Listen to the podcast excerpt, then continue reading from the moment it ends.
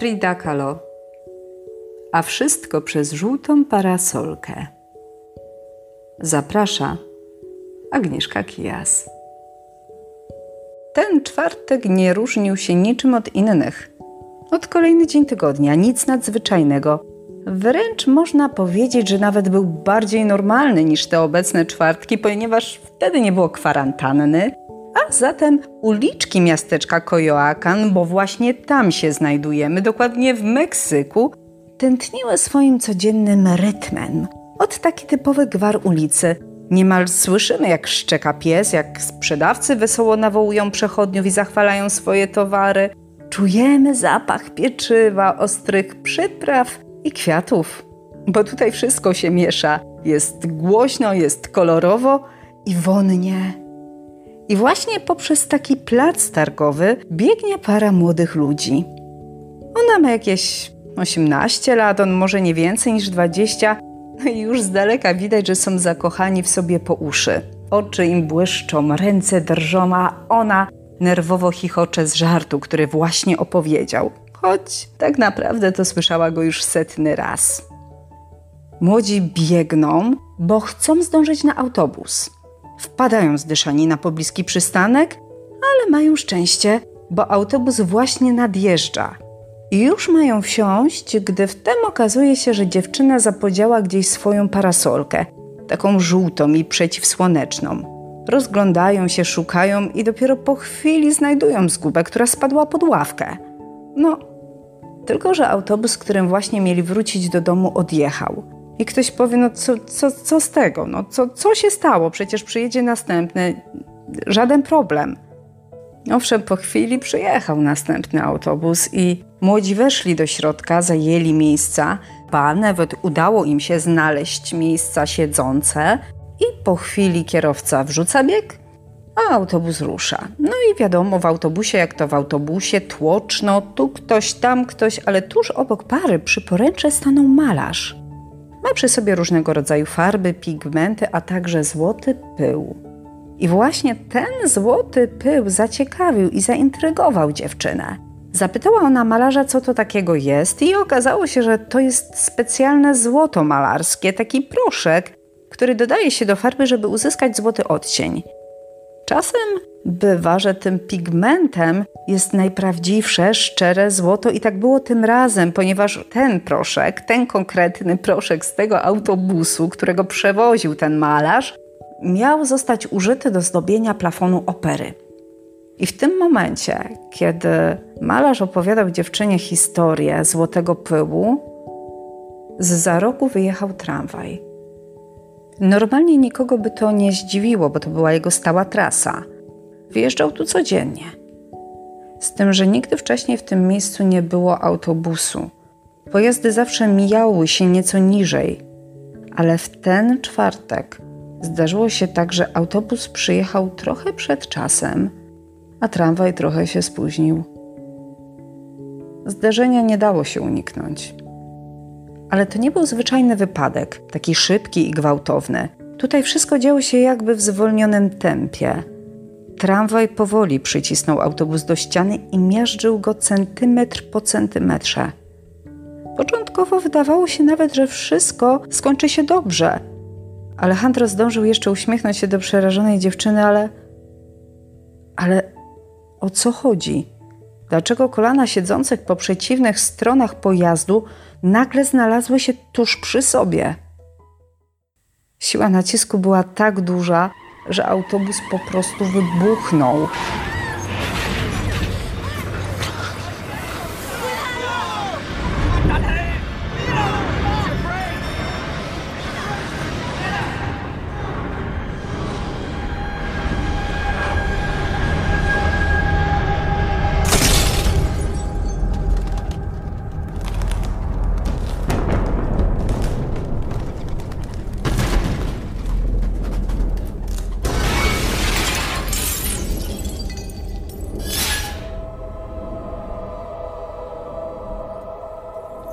Przechodnie byli w szoku i dopiero po chwili ktoś zorientował się, że trzeba wezwać karetkę.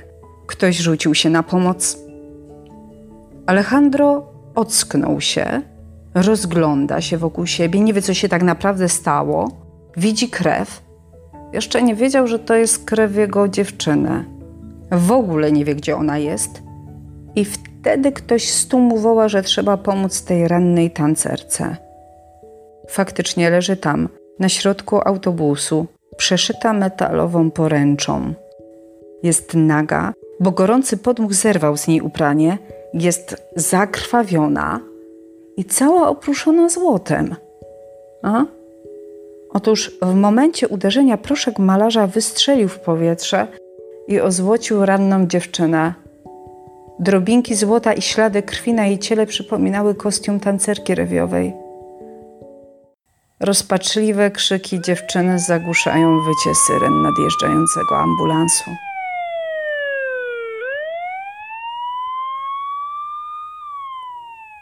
Obrażenia były poważne. Dziewczyna w momencie uderzenia nadziała się na metalową poręcz, a pręt przeszył ją na wylot niczym szpilka motyla. Do tego liczne złamania lewej ręki, żeber, miednicy, 11 złamań prawej nogi. Miała zmierzczoną stopę, przemieszczenie ramienia, a co najgorsze złamany kręgosłup. Lekarze nie dawali jej szans. Ale przeżyła. No, chociaż może nie do końca, bo w tym straszliwym wypadku ktoś umarł umarła młoda i beztroska dziewczyna, która tego dnia stała na przystanku i cieszyła się życiem. Jej miejsce zajął ktoś inny. Genialna i odważna malarka Frida Kahlo. Choć trzeba przyznać, że los okrutnie z niej zadrwił. Zdrowie wymieniła na sztukę, coś za coś. Ale nie tylko zdrowie, bo po tych tragicznych wydarzeniach okazało się, że Frida z powodu obrażeń nie będzie mogła mieć dzieci. Dla niej to był straszny cios, była zrozpaczona i to do tego stopnia, że swojemu cierpieniu nadała symboliczne imię Leonardo. Wręcz uznała je za swoje utracone dziecko i zapisała coś takiego w swoim pamiętniku. Leonardo urodził się w szpitalu Czerwonego Krzyża we wrześniu Anno Domini 1927. Został ochrzczony w mieście Coyoacán tego samego roku. Jego matką była Frida Kahlo, rodzicami chrzestnymi Alejandro Gomez Arias i Isabel Campos. Isabel była siostrą Fridy. No właśnie, a co z Alejandro? W odróżnieniu od Fridy wyszedł z wypadku bez szwanku, a jego rodzice, widząc jak poważny jest stan dziewczyny, chcieli za wszelką cenę rozdzielić młodych. Nie wiem, czy należy się im dziwić, bo po prostu zależało im na tym, żeby syn wszedł w nowe życie bez takiego bagażu, bez takiego obciążenia i chcąc go ochronić, wysłali chłopaka do Europy. No, oczywiście Alejandro nie chciał wyjeżdżać, ale nawet Frida go do tego namawiała i co prawda obiecywał, że wróci. Co prawda nawet przez jakiś czas słał do niej listy, no ale w pewnym momencie listonosz już coraz rzadziej pukał do drzwi Fridy, aż w końcu zupełnie przestał przechodzić. Frida miała połamane kości, do tego złamane serce, a na domiar złego, leżąc miesiącami w łóżku, szalenie się nudziła. Z pomocą przyszedł ojciec, który postawił sobie ambitny cel, by doprowadzić Fridę do stanu sprzed choroby. Pragnął, by znowu była radosna i pewnego dnia Przyniósł jej dawno nieużywane przez siebie farby oraz pędzle. Zrobił też specjalną sztalugę dla unieruchomionej córki, a nad łóżkiem chorej powiesił lustro.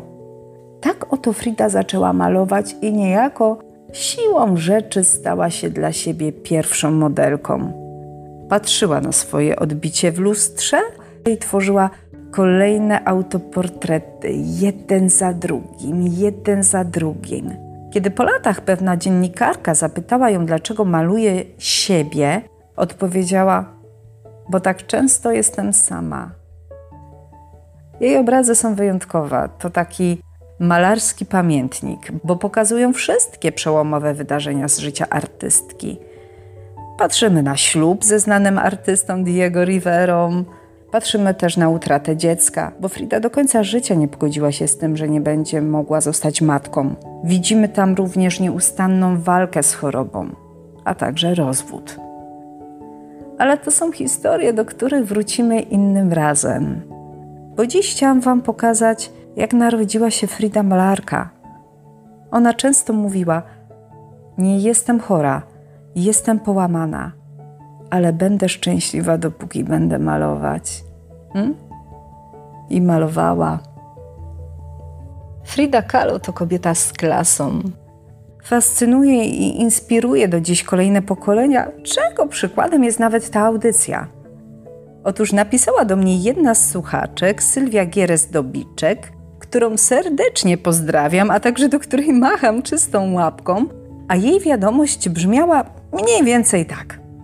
Czekam na podcast o Fridzie. no to takie oczekiwania trzeba było skrócić. Ale Sylwia załączyła do swojej wiadomości coś jeszcze. Zdjęcie Fridy włożone w ramkę, jakie stoi na półce w jej domu. Myślę, że znacie to zdjęcie bardzo dobrze. Zielone tło przyozdobione białymi kwiatami, a Frida siedzi w tradycyjnej meksykańskiej sukni ze skrzyżowanymi nogami. Na głowie ma wianek ze świeżych kwiatów, zrośnięte brwi zabójczy wąsik i spojrzenie pełne ognia. Kolorowy ptak, który nie daje o sobie zapomnieć.